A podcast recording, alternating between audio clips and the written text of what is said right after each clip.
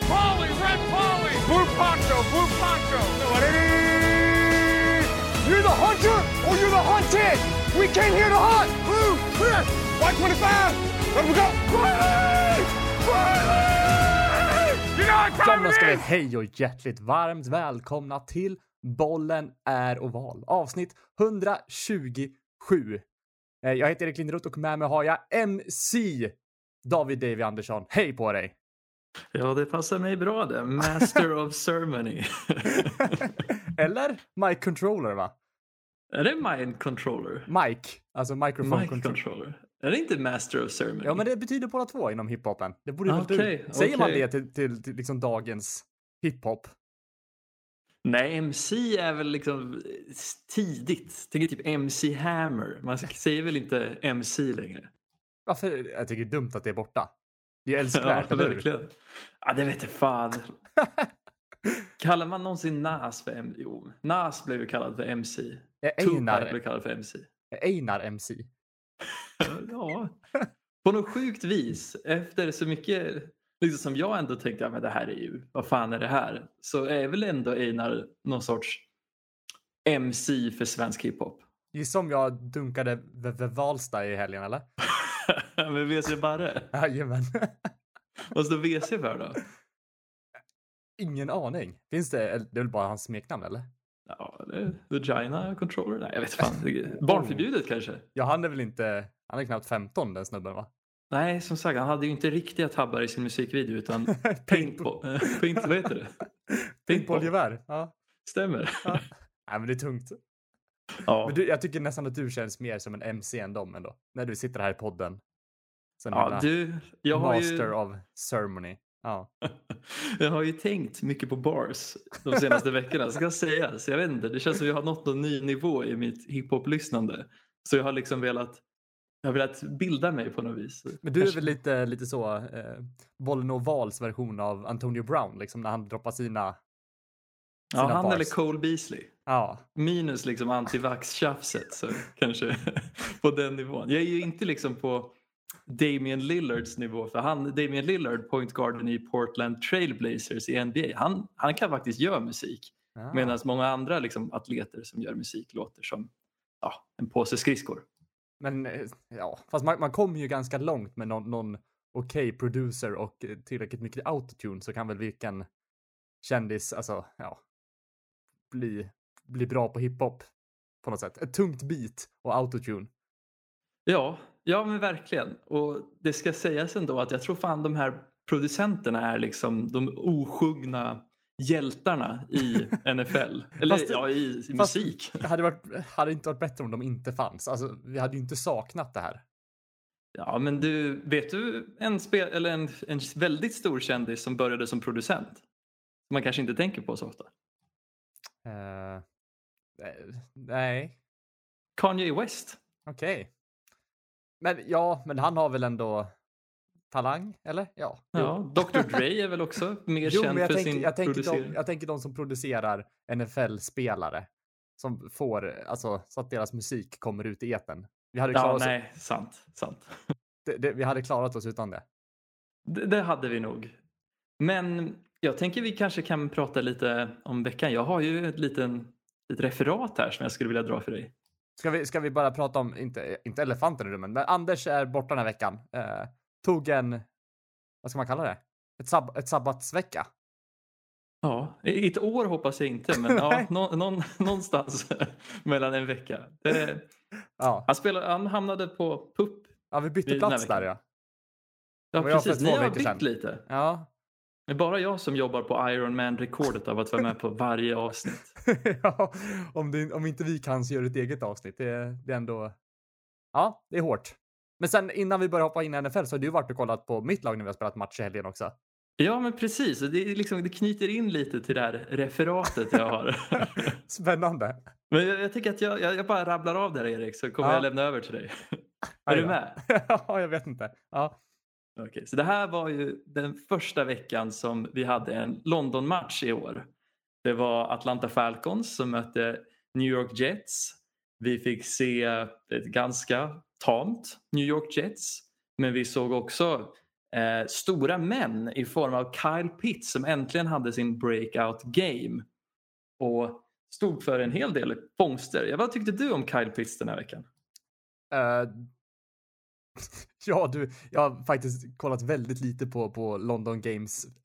Generellt sett brukar det inte vara någonting som riktigt faller mig i, i, i smaken. Uh, Nej, precis. Precis. Och jag missade nästan allt förutom det jag sett i efterhand av just Kyle Pitts. Då. Men stora män, England. Då går ju tankarna givetvis till Big Shack och den här engelska rappen.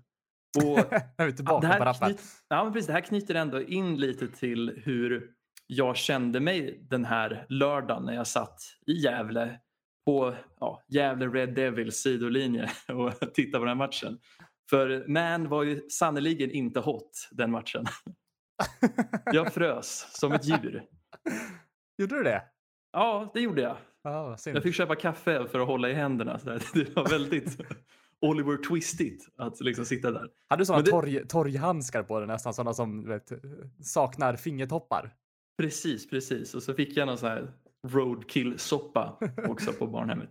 Men givetvis ska vi fortsätta på det här med engelsk rap. För jag tänker ju också på stora män som Stormzy och Dave som jag har börjat lyssna på ganska mycket nu på sista tiden och speciellt Daves skiva We're all alone in this together. Riktigt bra grindplatta, kan rekommendera det för alla. Och då tänker jag givetvis på låten Clash där man har lyrics som Freaks, I got more than one. Fuck daddy and daughter one. One. Tory putting in labor. This that Jeremy Corbyn won. Och i Eriks match så hade Erik scoutat och tänkt lite, liksom, han var ju smart här. Så han såg att the ref var en special one och skickade in en extra one. Exakt. Domaren märkte ingenting och skapade att bollen blev en fumbled one. Och i kort och gott så ja, ni lyckades få in 12 man på plan utan att domaren märkte och det ledde till en turnover. Hur, hur kom det här sig? Vad, vad var det för tankar och strategi som ledde till det här? Okej, okay, uh, eh, jag tror detta hände, hände två gånger va? I, det hände två gånger väldigt nära varandra så det, ja, det kändes planerat. Nej, det var ju som du kanske såg på vår sidlinje så var det kaos. Vi hade ju, jag tror vi hade fyra avbytare till slut för alla låg, det liksom såg ut som, ett, som en krigszon. Det låg folk liksom med ben i höglägen och folk som låg liksom typ eh, hjärnskakning på sidlinjen. Det var en som bröt arm, eh, handleden som fick åka ambulans efter matchen. Det var riktigt så här eh, skitmatch. Och till slut var det ingen av våra spelare som hade koll på vilka som skulle vara inne på special team. Så vi coacher fick bara in så vi har folk på planen liksom. Det är hellre att vi, eller ja, hellre typ att vi är 12 än 8. Nej då. Nej, okay. ja, mycket av det här Ja, det är ju vi coacher, men sen även så är det ju spelarna som ska ha koll på vilka, vem jag avbyter åt. Och sen blev vi ju bestraffade för att vi var för många man på planen vid något tillfälle där. Ja, tredje, tredje gången där. Nej, men andra gången. Var det? Nej, det var inte andra. Nu ska vi säga att jag räknar inte. Jag fick ju bara höra det av att en liksom väldigt burdus person bredvid mig skrek en massa till domaren. Ah, ja. Vilket inte var as chill då. Men jag tyckte ändå att det kändes, jävlar vilka, vilka, vilka genier det här Dalecardial Rebels är. Som jag tycker du ner oss lite. Okej, okay, sen var det ett till misstag. Vi tog en, en, en extra timeout som vi inte ja, hade. Men precis, på något vis så hade ni lyckats hitta nationella proven på den här domaren som skulle hålla koll på det här. Och sett Fast att han, de såg att vi inte hade en till timeout i alla fall. Vi, vi missade att vi hade tagit två stycken på, på special teams tidigare den här halvleken. Alltså, det, ja, det, grejen är, nej jag, jag, vet inte hur mycket vi ska prata om den här matchen egentligen, men vi, vi gör ju upp liksom, vi har ju depth chart på som vi skriver ut och har på sidlinjen vilka spelar special teams liksom. Så vi, vi sätter upp det liksom på sidlinjen så folk kan gå och kolla. Så stryker vi över om någon är borta och då vet man, ah, nu är det jag som ska gå in. Men sen blev det helt kaos eftersom att vi hade bara skadade sid, eh, spelare på sidlinjen. Eh, så ja, det, ja, jag vill inte prata om det. Men vi, jag tycker att jag är nöjd över mitt lags insats i alla fall. Vi trodde vi skulle få stryk med 48-0 som sist, men det blev 14-7. En tight ja. match. Och precis, du säger, jag... ja, fortsätt. Jag tänkte inte, liksom, precis som du säger, det kanske låter som att jag liksom gör narr av er här, men det, istället så Det där var ju liksom en kul liten detalj. Jag tyckte överlag var det faktiskt en väldigt spännande match och ni spelade faktiskt väldigt, väldigt bra mot ett lag som tidigare känns ha varit lite av era övermän. Kanske för att de på något vis väljer att spela starters från superligan som ett farmarkontrakt. ja. ja, det, det är ju kul för dem kanske att vinna. De har ju vunnit alla sina matcher den här säsongen. Eh, men eh, ja, jag, jag, är så glad att vår sista match den här säsongen är mot Västerås och de spelar nio man. Alltså vi kanske kan få ihop ett fullt lag. alltså. Eller har ni, en, har ni liksom en kedja med bara skadade spelare ni kan liksom ställa ut där? Liksom kan rulla ut dem med rullstolar? Ja, ja, vi, har ju, alltså vi, vi har ju inte många spelare från början. Säg att vi är kanske 30 man i truppen. Ja, knappt det. Men vi har ju över 10 skadade spelare i alla fall. Och sen är det inte alla som kan på helger heller för att det, det är en hobby liksom. Så folk har de bättre saker för sig så gör de ju annat än att spela match typ. mm. Men man måste ändå säga att fan vilken jävla god stämning ni ändå hade. Trots liksom att ja, ni, alltså, hade skadat sig. Det var bara glada miner när ni kom ut från omklädningsrummet. Det, det, det är en tår till, till ögat där och tänkte fan, jag vill vara en del av det här. Ja, när headcoach kommer ut från omklädningsrummet och knäpper en kall på en gång. ja, det var det. det, för, ja, han tänkte inte på något annat än den där kalla ölen. Nej, men det var... Det, det är god stämning. Det är bra killar allihopa, så att det, det, det är fantastiskt att vara liksom i föreningslivet. Alltså, det kan jag rekommendera. Ja, jag är imponerad. Det, vi får se om jag någonsin tar mig dit igen. Det, det vore faktiskt lite av en dröm. Men jag tänker så här, när du flyttar tillbaka till Falun, det är ju ett, det är en närfråga. Då, då startar väl vi ungdomsverksamheten? Eller? Vad säger jo, du? men det tycker jag. Det vore väl kul? Ja, massor med kids. Och ha en liksom spikad... Nej, nej men gud, jag tar det alltid liksom ett steg för långt. Jag tycker det vore skitkul. Jag tror man måste nog ändå bygga sådana här organisationer lite från gräsrötterna och just hos de unga för att du ska få en bra mm. organisation. Men det är ju svårt, det, det, alltså det är svårt kanske när, när man har sådana här matcher när så många blir skadade att folk vill hålla på med den här sporten för det är ju en farlig sport. Och det var en spelare i mitt lag som liksom kom ut från omklädningsrummet efter och bara hur fan får man ta ut det här på friskvårdsbidraget? Jag begriper inte och det, det, förstår inte jag heller. Det är ju. Ja, nu, nu var det för sig. Vi gick och varnade domarna i halvtid att ja, Gävle, de kör en hel del spearing. liksom. De går in med kronan först på, på hjälmen och det första som som händer är att de får en utvisad spelare i andra halvlek. Så att det är väl har man tacklingsteknikerna och har man domarna som är på sin liksom, på sin vakt och ser hur om det är schyssta eller oschyssta tacklingar så ska det ju inte vara något problem. Men det är ju en riskabel sport, helt klart. Verkligen. Och det tycker jag ändå man märker i NFL. För den här veckan så hade vi ju en hel del skador. Mm. Vad jag märkte av i alla fall. Jag tänker vi kanske kan börja i Rams och Seahawks. För där mm. har ju den här längsta Ironman-streaken brutits med att Russell Wilson har skadat sig och Exakt. kommer missa ett antal veckor nu va? Ja.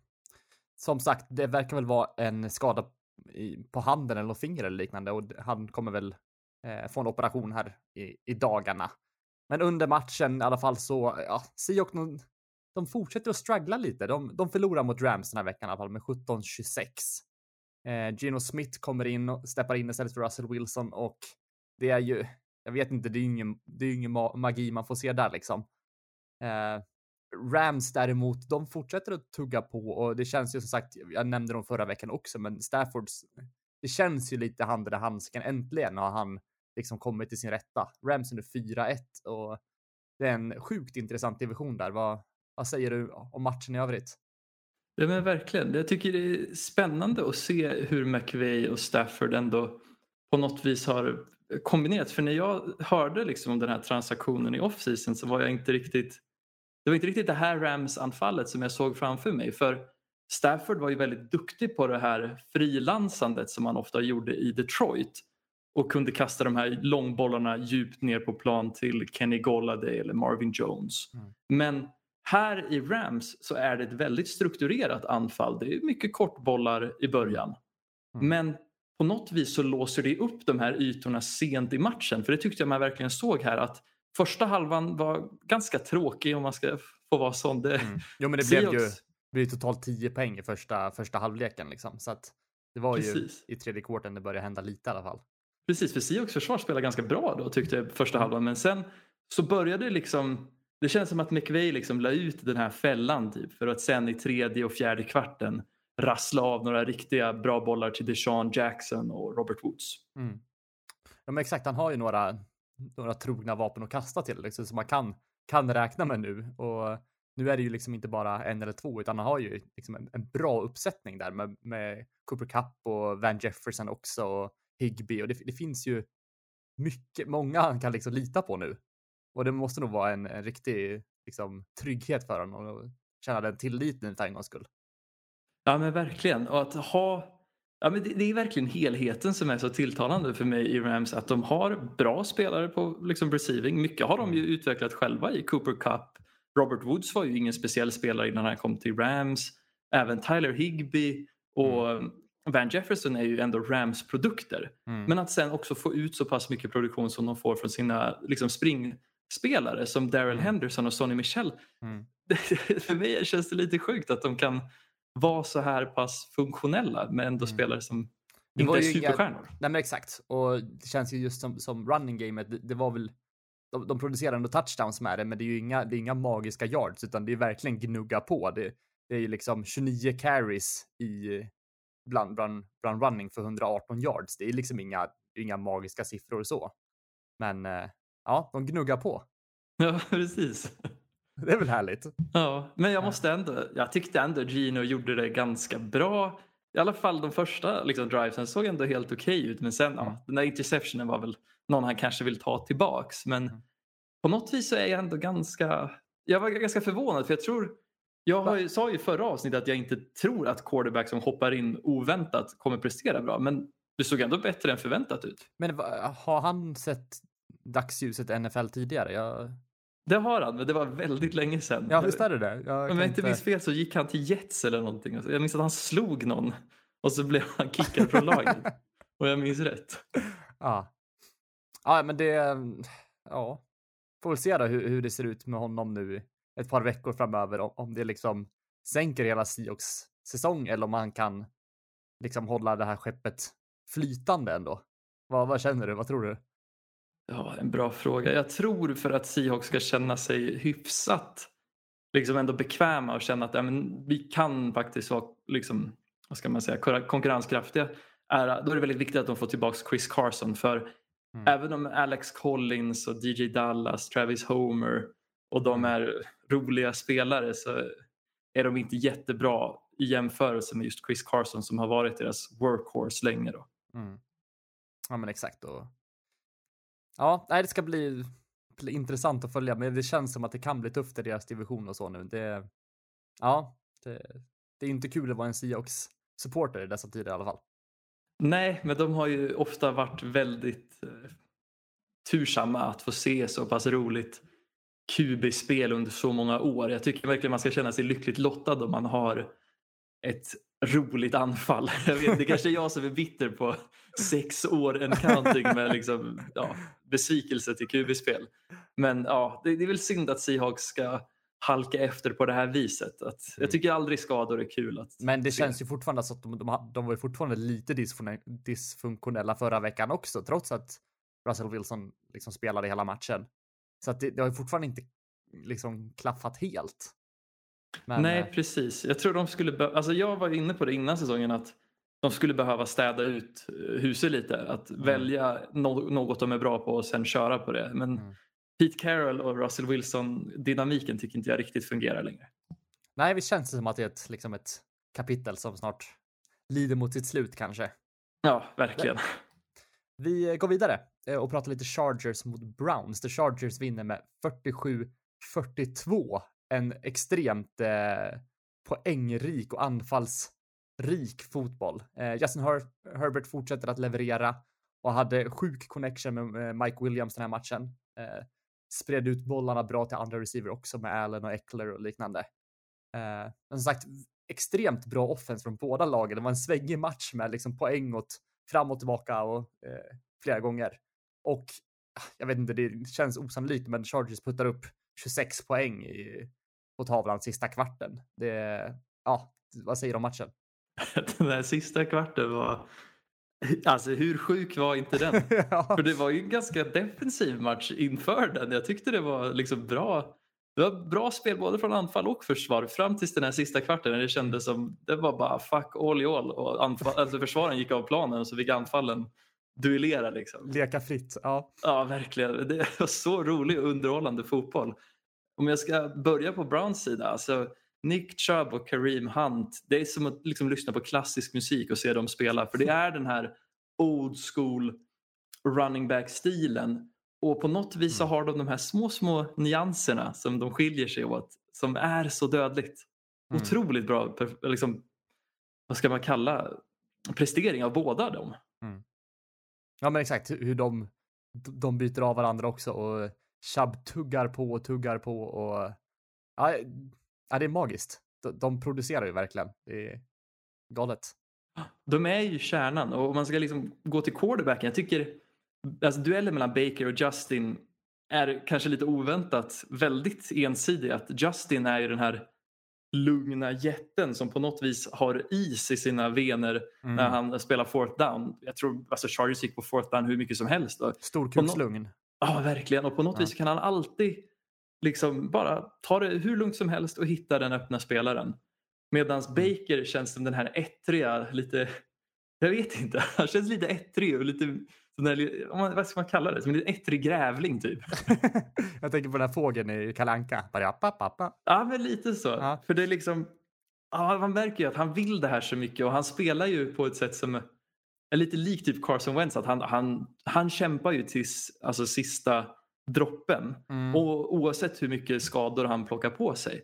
Men att han ändå kunde hålla så pass jämna steg med Justin här var som sagt magi till match. Den här är sevärd. Mm. Ja men exakt.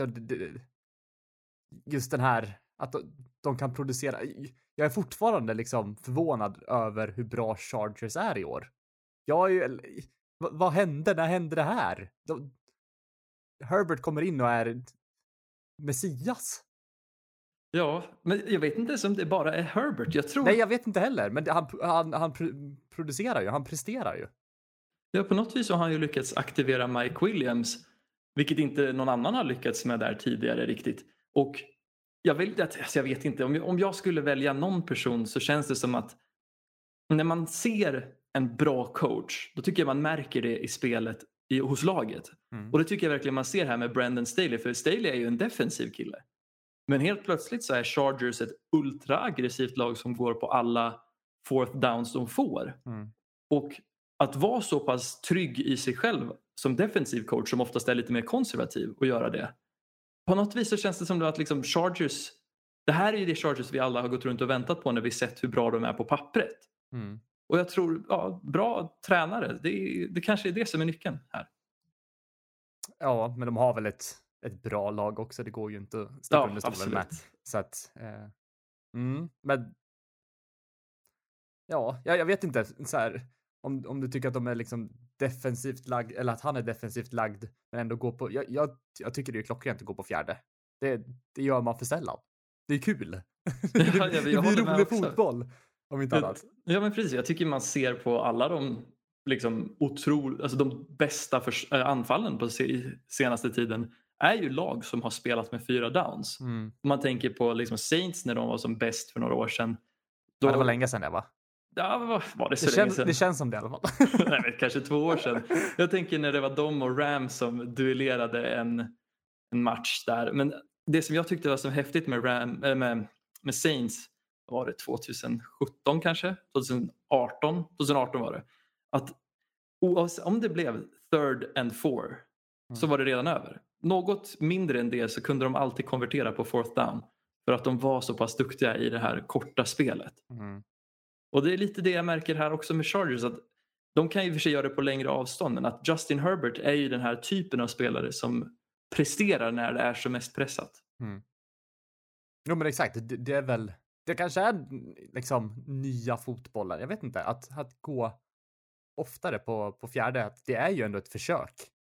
Man ska väl ändå kunna liksom ha, har man liksom runt fem yards så lär man väl typ försöka. Jag, jag, skulle, jag skulle älska om det blev nya liksom metan. Ta bort pant. Ja men lite. Alltså, I vissa fall kanske man ska panta men alltså, om du har en spelare som Justin Herbert, Patrick Mahomes, Lamar Jackson, Josh Allen. Varför inte? Det här är spelare som är så pass duktiga fysiskt att om de inte kan förlänga spelet nog och hitta en spelare att kasta till kan de säkert springa de där yardsen själv också. Mm. Ja men exakt. Vi ska gå vidare till ett lag som eh, som har en spelare som inte presterar lika bra som de här spelarna jag precis nämnde. Det var Packers som mötte Bengals. The Packers vinner med 25-22 i overtime. Och eh, Crosby, alltså kicken i Packers, hade inte en bra dag. Eh, han brukar ju ändå vara en, en, en säker sparkare, har funnits med länge i, i ligan, men missar tre viktiga field goals tror jag det är som, som kan avgöra matchen. Eh, det går till förlängning, han missar en spark även i förlängning. Eh, men Packers får tillbaka bollen och han får ett sista försök och, och sätter den här field goalet så att Packers vinner den här. Eh, och eh, ja, vad, vad, ska man säga? Det var också, man var inne på nagelbandet när man, nagelbanden när man satt och kollade på matchen alltså. Vad, sa, vad säger du? Verkligen. Och det var så jävla sjukt för det kändes som att på något vis så kändes det ändå som Packers förtjänade att vinna matchen när det väl mm. började närma sig slutet på fjärde. Men så blir det den här duellen av missade kicks. Ja. Alltså Mason hade, hade två chanser innan det blev slut på klockan, innan, liksom dags för övertid. Och det hade väl, även McPherson hade en chans, båda missar. Mm. Uh, ja, men en annan grej som, som jag, jag, jag, man bara sitter och njuter det är att se, connection mellan uh, Burrow och Jamar Chase alltså. Det, det alltså, det är helt insane hur duktig Jamar Chase är. Ja. Men det, på något sätt, jag vet inte det känns som folk underskattar eller så vet bara uh, Burrow vad han har honom hela tiden. Jag, jag kastar den bara en djup boll så finns han där. Ja, alltså jag, alltså jag håller med dig, för när vi tittade på Chase inför säsongen, jag, jag, såg ju hur elektrisk han var i college, men jag fattade inte riktigt vad som gjorde han speciell.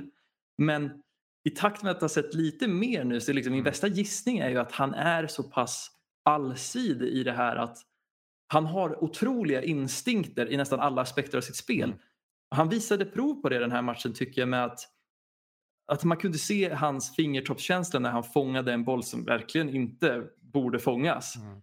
Och sen hur han presterade vid sidlinjen och hur han också kan manipulera defensive backs när han går på de här djupa rutterna. Det finns en jättebra klipp när han skickar Patrick Peterson ut på hal is. Jag tror det var första veckan när han gör liksom lite i stil med Antonio Brown under sin prime att han liksom vinklar sina höfter mm. och på så sätt kan manipulera DBn att försöka han, de liksom nappar på att han kommer gå på en sida mm. och då har han egentligen redan då fintat bort dem. Mm. Ja, men det är väl så man, man coachar ut defensive backs att kolla på höfterna. Alltså läs alltid höfter för de, man, kan inte, man kan inte ljuga med dem. Men eh, Jamar Chase, han har väl eh, liksom, han har väl en lös led liksom i höften då. Så att, så att det är någonting sånt. Det är Shakira-höfterna om ja. man får använda en sån liknelse. Det var väl, du pratade väl eh, bröderna Manning om här. Har du kollat på något klipp med dem? Jag har ju inte gjort det mer Nej. än när de gör narr av Joe Buck. Ah, Okej, okay. för annars så de kommenterar i alla fall den här Dak Prescott uppvärmningen. Och eh, då säger väl eh, Eli Manning att hips don't lie och så gör han den här dansen själv i alla fall. Okej. men oväntat att se Eli Manning göra den. ja, ja, men det var, det var fint ändå. Ja, men verkligen. På och... tal om fint, om vi bara ska vända på steken här Erik. Davante ja. Adams och mm. Aaron Rodgers, det är ganska fin kemi där med. Ja, men verkligen. Eh, det måste jag säga. Och en annan kemi där som också det är ju att eh, Cobb har kommit in i laget där också som kommer in och Randall Cobb alltså och gör, jag vet inte, eh, verkligen så avgörande catches. Eh, mm, ja, verkligen. Eh, och det har väl Rogers tjatar väl för att försöka få in honom här i laget, men eh, men just, ja, det var inte Adams, det, det, det, är ju, han är ju väldigt unik den spelaren alltså. Och, men det hela, jag vet inte, hela, hela laget känns ju bra uppbyggt också med, med Aaron Jones och Dylan gör ju också jättebra så att ja. ja Dylan Packers, var lite av en chock här alltså. Att han, bra eller dåligt? Ja, att han var så pass bra som han var. Jag var inte beredd på det. Men grejen var att om man kollar på hans statline den här matchen så det, den är ju inte liksom, han har ju tagit emot lite bollar också. Han funkar lite som receiver eh, och running back då. Eh, det är ju inga magiska siffror, men, han, men det han gjorde på planen, då sticker han verkligen ut. Man ser honom när han får bollen. Ja men precis, han bryter ju de här tacklingarna. Och när jag minns att jag på något vis, eller jag har väl säkert gjort narr av honom i podden, men jag minns att jag inte riktigt tyckte om hur han såg ut på combine när han liksom var på väg ut i draften. Mm. För att han sprang lite långsamt på 40. Men det känns bara som att han är ännu ett exempel som visar att man kan ta bra saker från combine men man kan inte ta så mycket dåliga saker från combine egentligen. Nej. Nej men exakt. Och jag tänker, det, det är väl, Fordy känns väl ändå lite mer relevant för någon som är bara dedikerad till att vara typ en wide receiver, liksom. En wideout som, som ska springa på öppna ytor, inte som ska ha folk som hänger runt liksom höften på dem och gör shifty moves. Då är det liksom andra aspekter som är viktigare. Ja men verkligen. Jag tror också det, alltså Combine är ju duktig på att visa vad som är en spelares USP om de har någon Mm. otrolig atletisk talang i snabbhet eller styrka eller något sånt. Men alla de här är ju otroliga atleter som kommer med ett ganska bra baspaket på alla fronter. Mm. Så det, det är inte så mycket dåliga saker man kan ta även om det skulle vara en medioker insats på Combine. För medioker i deras fall är ju elitnivå i Ja. alla andra fall. Hur, på tal om combine, den här som ska vara i London, är det någonting du har koll på? Nej, ingenting. Vad är det för internationella spelare? Ja men exakt, så att europeer kan visa upp sig. Oj, är det dags? Skickar Rebels några? Jag tror inte vi gör det alltså. Ah, synd. Ja, jag kanske ska ta och träna upp mig och suta upp till nästa år. Det vore sjukt att se dig på, på Jets practice squad. Vilken roll skulle jag få? Ja, men kan det vara... Ja, men du spelar väl running back? Running back och safety. Tror du inte du kan knipa någon roll där? Du är Ja. bra på scout-team också att du kan spela två olika positioner. Ja men exakt, jag tror nog, ja. En, en, en brunkig running back kanske. Exakt. Jag, jag ska inte backpadda, då kommer jag bara snubbla på mig själv. Liksom. Det, det, det, är inget, det är inget bra. Eh, Men sen är det också snack nu va, om, eh, om vi fortsätter prata om eh, Europa, så är det väl snack om matcher i Tyskland va? Oj, är det på G? Det är ju faktiskt väldigt lovande. Ja, så jag tror att det är snack om det 2022 redan. Eh, om vi har tur. Mm. Det är lite på tiden för jag tänker Tyskland är ju en ganska stor marknad för NFL. I alla fall från vad jag har fått för mig. Fatta kombon med Oktoberfest och NFL i Tyskland då. för spelarna också. ja, varför inte? Miami kommer dit. Ser man Ben Roethlisberger i öltältet liksom kvällen innan match. ja, stöter på någon sån servitris med ett fat med jättemånga sejdlar där. Ja, eller ja, om det är någon som stöter på servitrisen så är det ju givetvis Urban Meyer. Det, det har vi ju sett prov på. Sitter och dreglar. Sannerligen amalgam. Eh, nästa match vi ska prata om är 49ers som möter Cardinals. Det Cardinals kniper segern med 17-10. Eh, Cardinals är fortfarande enda, eller jag ska säga fortfarande enda laget som är obesegrat. Eh, de är fortfarande obesegrade och de är enda laget som är det. Eh, men vad ska man säga också?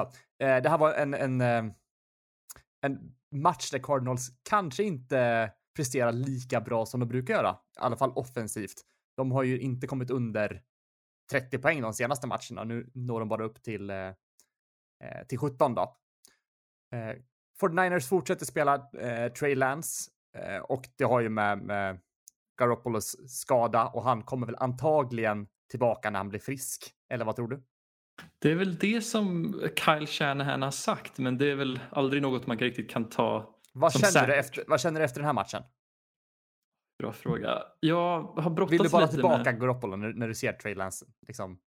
Nej, men alltså, om, du vill, om du vill vinna nu så tror jag att du stoppar in Jimmy men grejen är ju att jag tror inte du kommer till liksom, slutmålet med Jimmy. Är det inte bättre att bara ge så mycket matchtid till Trey som möjligt? För jag tror, alltså startar du Trey det här året så tror jag inte du kommer speciellt långt i år. Men du sätter upp dig för att ha en väldigt bra säsong nästa år när Trey Mm. har fått liksom vad ska man kalla det? Ja, han har fått liksom internalisera allt han har lärt sig i, år. Liksom. För det är Mm. ganska rått tycker jag hos Trey. Men det finns mycket lovande saker också. Mm. Som? Jag tycker man märker att han har en bra fallenhet för springspel och om han får chans att liksom kunna kombinera det med, med passspelet. Mm. Nu fick vi se några helt otroliga fångster till Brandon Ayuk som på något vis lyckas plocka en boll ur händer på, på defensive backs. Och Debo Samuel visar ju även prov den här matchen på hur han på något vis kan bli helt fri eh, utan att ja, någon verkar vilja följa efter han.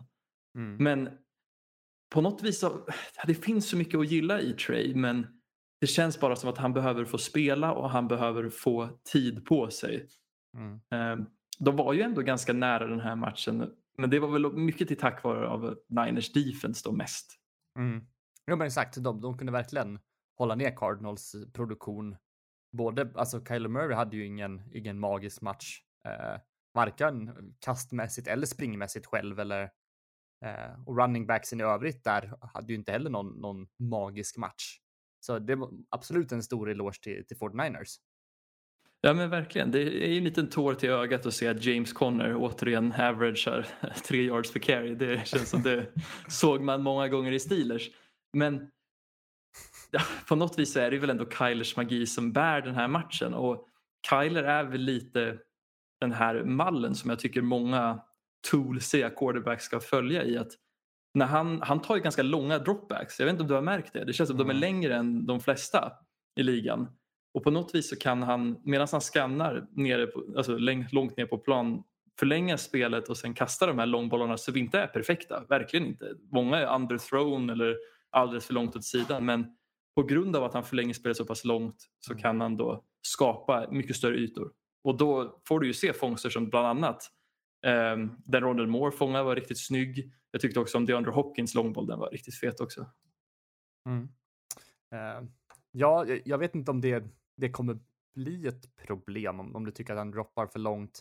Men han har ju någon, eh, jag, jag kommer inte ihåg vad för statline, men hur länge han kan hålla i bollen varje, varje drive liksom. Han är väl den som kan hålla i bollen längst varje, varje drive liksom. För han kommer ur pressure hela tiden på, på ett eller annat sätt. Ja, gud ja. Och jag tycker inte det är något dåligt ska jag säga. Utan Det är väl mer att det här är ett nytt sätt för mig i alla fall att se att så här kan man spela quarterback. Um, Jo, för man vill ju ändå se en quarterback som står i fickan, kliver upp och kastar bollen och får lite power i det.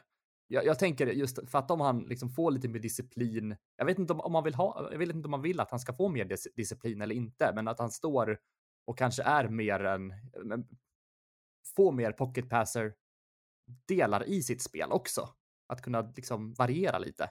För nu känner jag att det blir mycket att han, han faller tillbaka långt och det blir lite mer underifrån istället för att han ska hitta den här balansen och liksom eh, stabiliteten när han kastar och får, får iväg de här riktigt långa passningarna med precision.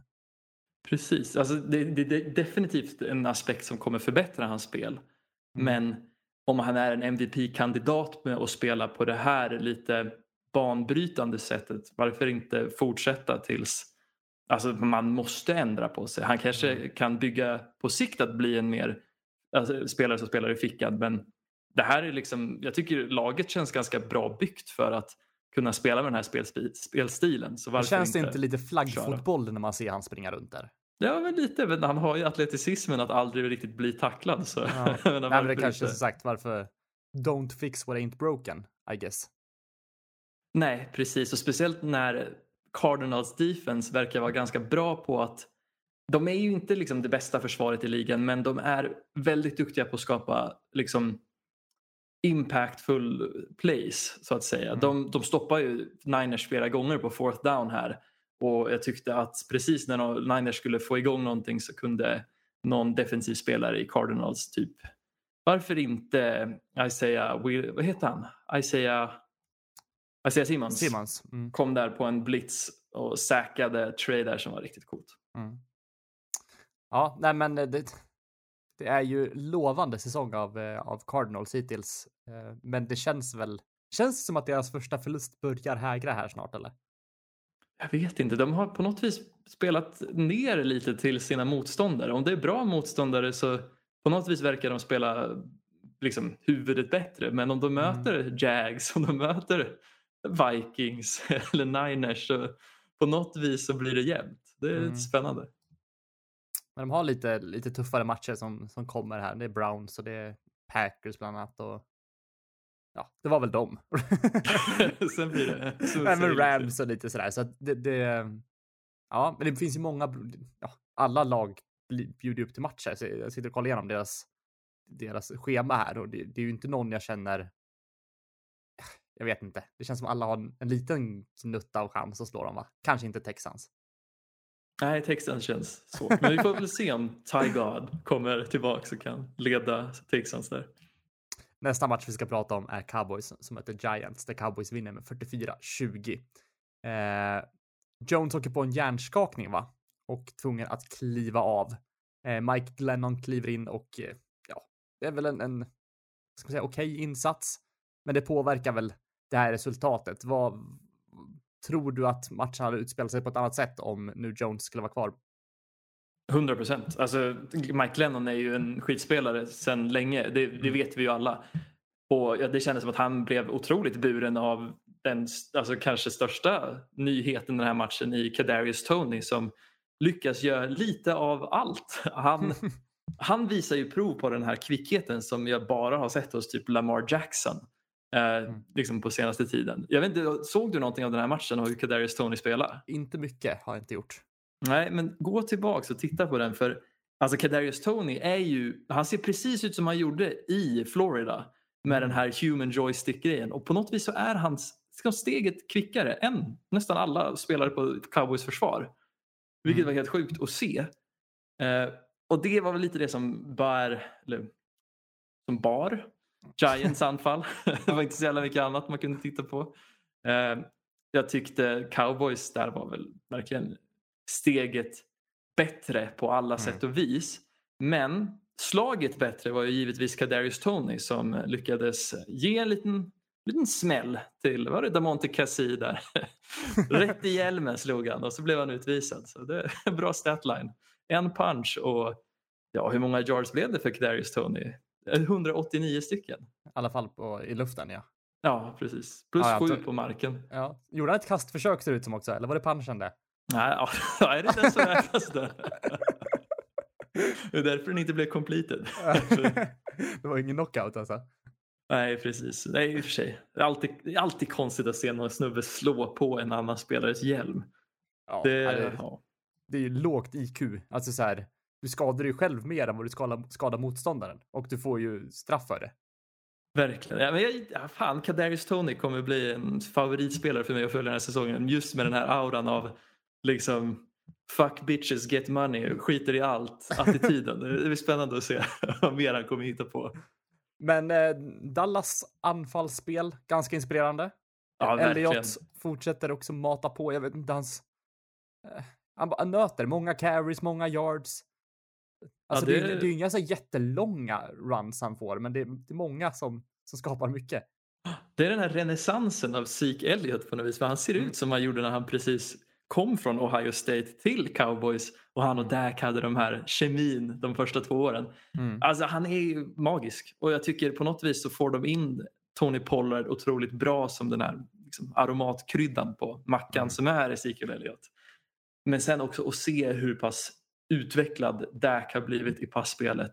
Mm. Det här är liksom en stark kandidat för det bästa anfallet i ligan. Mm. Jag vet inte riktigt om det finns något lag som i alla fall på pappret skulle vara bättre, mer än kanske Tampa Bay. Nej, det finns väl folk, eller lag som är i närheten då. Jag vet inte om man skulle ta Packers eller liknande. Eh, men de har ju något, något unikt, det här Prescott och Elliot kemin och de har ju väldigt fina receivers där nu också så att eh, Mm, det, det blir verkligen ett lag och som sagt, den här divisionen har ju, har ju hänt någonting med sen förra säsongen. Från att vara dumpster fire till att vara on fire. Ja, verkligen. Det är bara en massa killers här. I och ja. för sig, Giants tror jag inte är en killer om de inte har Daniel Jones, men jag menar cowboys, jag tycker... Han är tillbaka, ja, inte nästa vecka som två veckor antar jag. Ja, vi får hoppas det. det mm. Annars är Giants väldigt tråkiga att titta på. Mm. Men Ja, precis. Men alltså Washington verkar ju ändå på något vis, alltså jag tycker inte Taylor Heineke är skitbra, men han har ju den här ettrigheten hos en Fitzpatrick som på något vis ändå gör det spännande. Och Eagles verkar ju också kunna stå för lite magi. Men det är väl mm. Cowboys som är liksom the gold standard i den här divisionen. Mm. Them boys. Them boys. Kul för Dallas. De har väl inte haft det så lätt på sista tiden. Nej. Och det, det har väl varit lite, jag vet inte, är man inte trött på de memesen eller? Att man, man hånar cowboys? Ja, det är, det är nästan mer tröttsamt att se folk håna cowboys än att liksom, folk som är cowboys-fans säger them boys. För, för man, ja, man gillar ju ändå alltså Prescott och, och Elliot som, som personer också. Man kan ju inte ogilla dem. Alltså, Elliot har väl några så här tveksamma grejer i sitt bagage, men jag, jag, jag förstår vad du menar. Det känns ändå som, jag vet inte, goa killar. jag vet inte. Doug Prescott, absolut. Ezekiel Elliot, jag våg, jag, det, får, det vågar jag faktiskt inte säga ifall jag skulle ja, Det är behöva bara stå det till här svars är för det senare. lite, ja men det- okej, sant. Men det, det känns väl som att Elliot inte har några st stora studieskulder liksom. Han har lite den auran också. Nej, nej, nej, verkligen inte. Um, fan, jag vill ändå bara avsluta med att nämna att det är så synd att se att Saquon Barkley skadar sig tidigt i den här matchen. Igen och ser att hans, alltså hans fotled såg ut som att den var en volleyboll i hur uppsvälld den var. Ja, det, jag, jag orkar inte. Kan inte han bara få skärpa sig? Kan inte, ja, men vi, varför, varför vara så skadebenägen? Han måste ju se Ja. över det där. Om, nu kanske inte han kommer tillbaka igen. Var det hans sista chans eller? Nej, jag tror han kommer få många fler chanser men han kommer nog Säg att han liksom försvinner i år igen. Kommer han någonsin ses som ett liksom, tveklöst nummer ett vapen och man behöver inte riktigt ha en bra backup till han? Jag tycker han, hans skador har liksom permanent satt han i det här kommittéfacket efter det här. Ja, men han blir väl lite en, en Odell. Alltså det, det det var väl en, alltså här, den här Homer Simpson-memen, bara glider genom häcken, bara sakta försvinner. Ja men verkligen. Det, jag jag har för mig att Odell var helt magisk sina första säsonger i Giants men att han sen Ja. blev osynlig och han är ju ja, skitspelare i Browns nu. Han fick väl någon reception den här veckan vet jag, men det, ja. Men det är så sjukt, det här var killen som slog rookie receiving yards-rekordet med 1400 yards i hans första säsong och nu Jo, jag vet att han, han besitter de här kvaliteterna, men ja, gör han det? För nu är han ju bara ett jävla bihang. Det är liksom som att den där partybåten i Miami tog alla hans game. Liksom.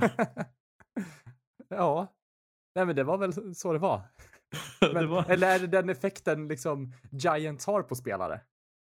Ja, kanske. Blir Nej, jag vet inte. folk som åker genom häcken bara? Ja, jag så- hoppas inte det. det. Jag tycker Daniel Jones har väl liksom länge varit på väg ut i rabatten men varit på väg tillbaks nu. Men, Är, inte, är inte Daniel Jones en mini Eli Manning eller? Så vi kanske kommer vinna, vinna två Super Bowls, men kommer aldrig vara en Hall of Fame. Ja, eller? Jag tycker ändå Daniel Jones, alltså grejen är att Daniel Jones är väl, han är vad han är. Men jag tycker Daniel Jones har visat prov på att spela hårt och ihärdigt och har, han, det känns som han har psyket för att kunna växa in i liksom, Ja, men spelet som Mm. när han blir lite liksom, äldre.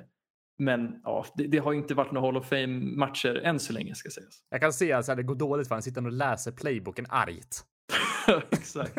Jag tycker inte det känns som Daniel Jones blir arg. Det känns som han, på något vis så blir han bara tom. Han, får, han blir tom i blicken och så går han hem och så stryper han en ren. som, som, som du kände när du satt på tågstationen i Gävle och skulle hämta Uppsala i, i lördags. Då var du tom, eller? Kände du det? Nej, men jag blev tom när vi åkte förbi Tierp och det klev på en tant som pratade i telefon i en timme om att hon skulle köpa en begagnad bil i Rågsved. Det tänkte jag, nej fy Ja, fan, bil behöver då? du ta den? Nej, oklart. Alltså nej, det, det är någonting med Tierp alltså. Det där är stället. Jag, folk som bor i Tierp är säkert assköna. Men det är någonting med när ni kliver på Ja, tåget. ja, men jag, jag vet inte om, om man, man, man liksom imponerar eller föraktar folk som sitter och pratar i telefon liksom på, på ett tåg sådär. Eh, jag skulle inte vilja prata liksom, sitta en och en halv timme liksom och, och halvskrika på ett tåg med dålig täckning för att försöka prata med någon som man kan prata med lite senare. Nej, drar man hellre på, inte. drar man på en podd eller någonting slipper man sitta och skrika. För det, nej, det där. Men det känns som allmän tips. Det ska också sägas att jag satt i en allergivänlig vagn såg jag i efterhand. Och så tog ju hon in sin hund och satte Ah. sig där utan att tänka på det överhuvudtaget. Det var också intressant.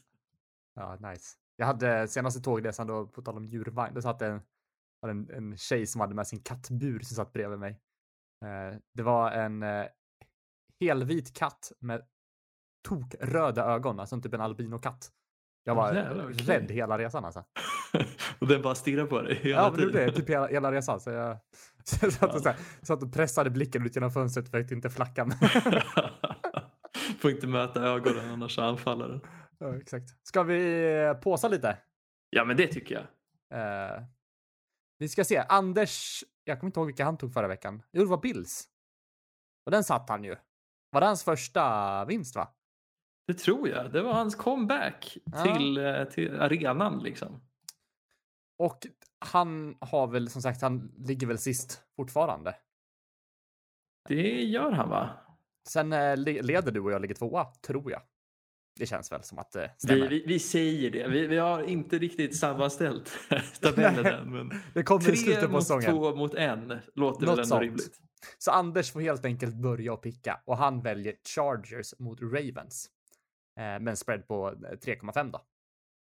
Nej, bra spread. För tanke på att Chargers smällde dit Browns på det Mm. sättet som de gjorde. Jag, vet inte jag tycker det känns som att Chargers borde vara favoriterna här. Ja, men exakt. Hur hög är man på Ravens egentligen? Inte jätte, va? Nej, men jag undrar om det är för att det är i Baltimore och att jag tycker alltid Ravens, liksom Baltimore är lite sån här mytomspunnen plats. Lite som New England. Mm. Det finns ju lite intressanta matcher den här veckan. Det, det är bra Lions Bengals till exempel. Det känns som att Lions börjar ju närma sig sin första vinst här. Eh, de är underdogs i 3,5. Eh, dock så ser man ju också hur bra Burrow spelar också så att eh, svår match. Eh, den matchen som jag tänker välja här. Kanske dumdistrig, bistrig, dum, dumdistrig, vad säger man? Dristigt. Ja, kanske man säger. Jag tänker-. Jag tänker välja eh, Jaguars, att de får sin första vinst mot Dolphins den här veckan. Oj, oh, den där, trodde jag aldrig att du skulle. Men jag satt Nej. faktiskt och tittade på den och den, ja, jag gillar hur du tänker. Jag, jag vill verkligen att, uh, vet han? Jacoby Brissett ska förlora. Eller Trevor Lawrence ska vinna. Jacoby Brissett framför allt. Han, han förtjänar inte vinna. Nej, men lite så. Alltså, det här Dolphins-laget utan Tua är ju något av det tråkigaste jag sett. Ja. Fy fan. Men och, jag vet inte.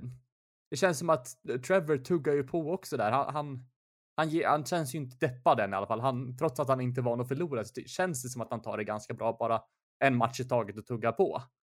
Och det känns som att de närmar sig sin första seger också. Jo men precis, vi får väl se hur mycket liksom, röra hela den här Urban Meyer situationen har rört upp. Det var ju mycket snack om att liksom, vissa sa att ja, men det är, jag är förvånad att, att Urban inte har förlorat jobbet än och han verkar ha tappat tilltron av liksom, både spelare och liksom, organisationen säger ägaren till Jags efter all den här Mm. situationen. Inte, har du koll på vad som hände där? Vi kanske ska berätta det. Nej, du kan ta, ta harangen. Ja, han stannade ju tydligen kvar i Ohio efter att de mötte, var det Bengals de mötte? Och Det så, så, ja, precis, och så läcktes det då ett klipp när han sitter helt väck i en bar då i Ohio och har en ung donna som håller på dansar på han. Och det, ja, jag vet inte, fan, inte den bästa liksom, situationen eller händelsen i Urbans liv, det är jag säker. Men ja, vi får väl se om de lyckas st- styra upp det här. Han var inte på en ljus plats. Nej, men han verkar inte veta vilken plats han var på alls om man tittar Nej. på liksom, hans blick i det här klippet.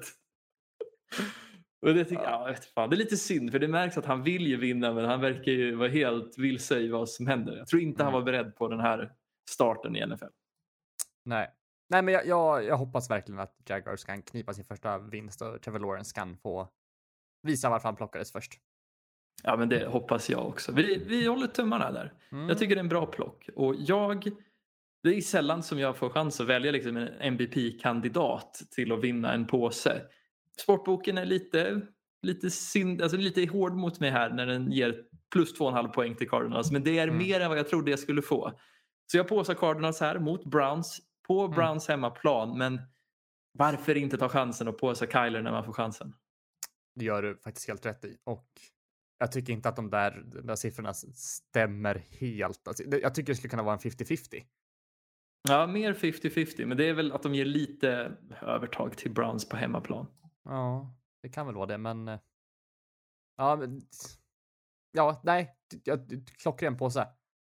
Eh, vad har vi för övriga matcher? Raiders är underdogs mot Broncos. Tre poäng. Det är, det är verkligen en prank. Vill ni bli, tjäna pengar, Breeders här, tro mig, ni kan tacka mig sen. men eh, ja, för, hur gick det för er i veckan då? Eller igår? Torsk och en väldigt liksom, vad ska man säga? Det, Vi mötte Steelers. Vi mötte Steelers och förlorade. Steelers kontrollerade i stort sett hela matchen. Mm. Eh, Det var väl en chans att komma tillbaka där på slutet. Mm. Men ah, jag vet inte. Jag känner väl att vi måste ha tillbaka Jerry Judy. Vi hade gärna inte behövt tappa KG Hamler för att alltså, det här Broncos-anfallet ska funka. Sutton steppade väl upp en hel del och gjorde en Ja. bra match. Verkligen. Han har ju visat att han är den här spelaren som han var innan skadan. Så det är ju otroligt kul. Mm. Men Det räcker inte va? det räcker inte. För på något Nej. vis så känns det som vi blir motarbetade på flera nivåer. Jag tycker Teddy gör sitt bästa. Men Mm. det gör även Pat Shermer. Och frågan är om deras bästa är tillräckligt. Mm. Och jag tyckte jag läste här innan vi började att uh, Juju Smith-Schuster, i alla fall på tal om eh, Steelers, där blir borta resten av säsongen.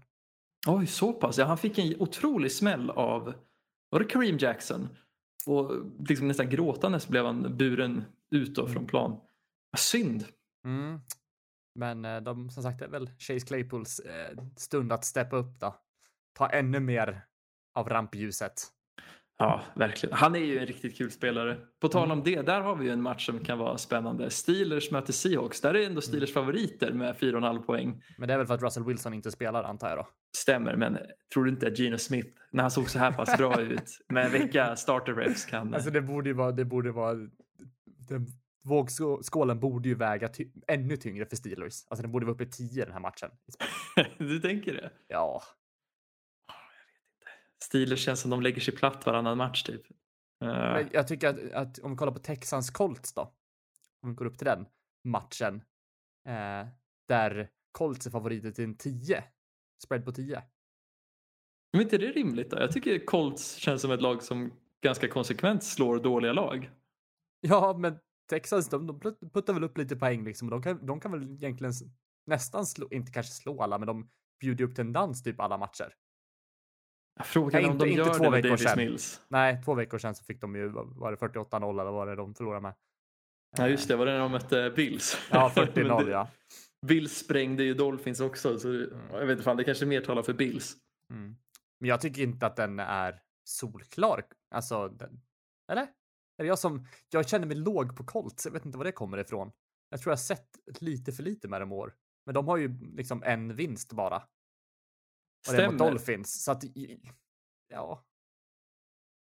Det är väl det här som man alltid känner med Colts. Att jag, jag tycker ju att deras passvapen är ju det tråkigaste som finns. Att se, alltså Michael Pittman är ju en spännande spelare men han Ja, ska liksom verkligen. vara VR2. Kanske VR, VR2. är Nej, för han är verkligen, alltså så här, han är verkligen VR1 nu. Han har, jag, jag gillar honom. Han är, Ja, men han är problemet är ju att om han är VR1 så leder det till att Zach Pascal är VR3. Jag måste liksom, vi behöver skjuta ner depth ett steg för att jag tror Colts, eh, det är väl det här att Colts behöver en superstjärna. Michael Pittman är bra men han är ingen superstjärna än. Och Nej. Carson är väl inte en superstjärna längre som QB. Det, lite stjärnfattigt kanske. Men då har de inte typ en spelare per match som är stjärnan? Liksom? De, de turas om lite. Ibland så är det någon, någon random, liksom Mo Ali Cox som kommer in och är liksom stjärnan den matchen. Eller de, de växlar lite. Behövs det verkligen en? Eller är de liksom ett, ett lag, en maskin tillsammans? Jag gillar ju stjärnfotboll. Jag, jag tycker ju om den här package-stilen med Aaron Rodgers och det, det var inte Adams. Det behövs inte så mycket mer. Mm. Men det, ja, det, är, det är min smak på gryta som jag tycker om. Okej, du, du vill... eh, Var du den spelaren när du spelar fotboll? Nej, verkligen inte. Jag var tvärdålig. Om det var någon som sög på plan så var det jag. Jag var Zach Pascal. Det är kanske är därför jag hatar han. Men det, alltså, så var jag också. Speciellt när man spelar innebandy och så sitter man på avbytarbänken och så bara vill man att de bästa spelarna ska in och spela för då kan man vinna och så känner man att man vinner som ett lag ändå. vill, du, vill du höra? Det här, nu ska ni få höra en liten historia från när jag var liten när jag spelade fotboll. Då hade tydligen jag spelat en match. Jag tänkte inte så mycket på det. Jag ville hem och spela dataspel. Men då hade liksom om, man hade, om jag kanske hade tänkt efter lite så hade jag ju spelat väldigt lite på plan den matchen. Och det resulterade faktiskt i att eh, tränaren ringde min pappa eh, på kvällen och bad om ursäkt för att han inte startade mig. Eller liksom skickade in mig på plan för han ville vinna matchen. Och på något vis kanske det var ännu värre än att bara liksom låta det vara. ja. Det blir din, din, din pappa lack eller? Ja, han kan ju inte sluta nämna det där vi pratar om de Nej. gamla fotbollsminnena. Men jag tänkte ju mer på vilken jävla king jag var på Dota när jag kom hem. Man sket väl i det där. Jag hade också så, var, var iväg på kupp, spela ett byte och la mig på sidlinjen, tjocka lilla Erik där. Och sen kommer, kommer tränaren fem minuter senare, är du redo att poppa in nu Erik? Nej, jag är helt slut, så Sju år ungefär. Jag var inte heller, ja, jag trivdes bra på att byta bänken. Ja, men tyvärr så blir det ju så. Men det, ja, jag vet inte. Ja. Kanske Vi- om jag hade fått gjort om det så hade jag ansträngt mig mer. Fast är det inte mer merit att vara bra i Dota idag? För det fortsätter man att spela. Kanske inte just Dota, men data. Ja, men data, data har ju gjort en till en karriär. Så jag menar, vem, vem gjorde rätt beslut egentligen? Exakt. Hur många av dem du har spelat med spelar i landslaget idag? Inte en enda jävel. Det är väl, nej inte en enda än. Så spelar någon som fortsätter. Vet om någon fortsatt att spela? Ja, det är ett par faktiskt. Men många typ roterar runt i de här småklubbarna i Dalarna. Just runt liksom Falu-Borlänge-området. I Sundborn. Ja, Sundborn var det ju många som var i ett tag. Eh, jag har för mig att det var någon kille som blev varvad out of state så att säga. Men Värvad. Var... Ja, värvad. Förlåt. Värvad och ja, sen vet jag fan om han gjorde något mer med det. Nej. Nej, det är skönt att man, man slapp det där pressen. Ja, Du spelar ju spelar e-sportsturneringar du istället. Ja men precis. Jag var ju faktiskt out of state på Birdie och spelade. Ja, Eller Uppsala. jag spelade gjorde jag inte. Jag var ju coach då. Ja, just det. Var det Uppsala det? Det var Uppsala. Jag har gått förbi där några gånger och tänkt, ah, good old times. Ja. När jag fick Ah, ja. syreförgiftning i en, eller ox, var det, koldioxidförgiftning i en bil som inte hade öppnat fönstren på under en natt. ja, det är mysigt. Men hörni, det var väl eh, allt vi hade, eller hördu, kanske jag ska säga, var allt vi hade att bjuda på den här veckan. Ja, lite, lite så här good old times när det var du och jag. Ja, verkligen. På något sätt så känns det som vi kommer in i det här flödet med NFL för nybörjare. Det, det är nästan som man borde gå tillbaka och lyssna. Och få liksom, the good old times att höra. Ja, Jag vet inte om man vill höra det. Ja, kanske ännu mer knackigt än vad det, vad det är nu för tid. Men Ja, på något vis lite älskvärt ändå. För jag vill ju höra hur vi var mot varandra för ja, fyra år sedan. Det är som att lyssna på en tidsmaskin. men frågan, ja, det känns som att vi tar lite mer med en klackspark idag kanske. Ja, men det tror jag. Det var väl inga... Eller hade vi aspirationer på Super Bowl då? Eller Super Bowl i form av tv-kontrakt? det har vi väl fortfarande. Snart ringer de via satt och ja, behöver inhoppare.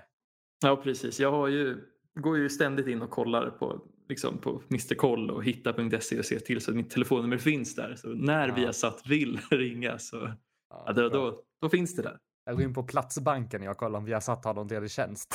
Jag tänker att jag, jag tänker jag ska jobba mig uppåt kanske.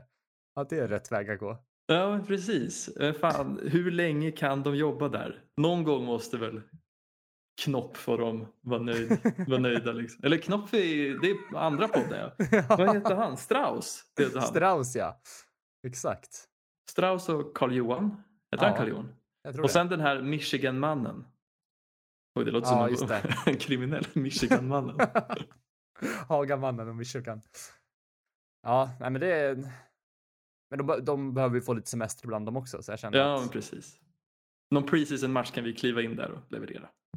Det kan vi verkligen. Men tack för att du lyssnade. Vi blir tillbaka nästa vecka. Puss och kram. Hej!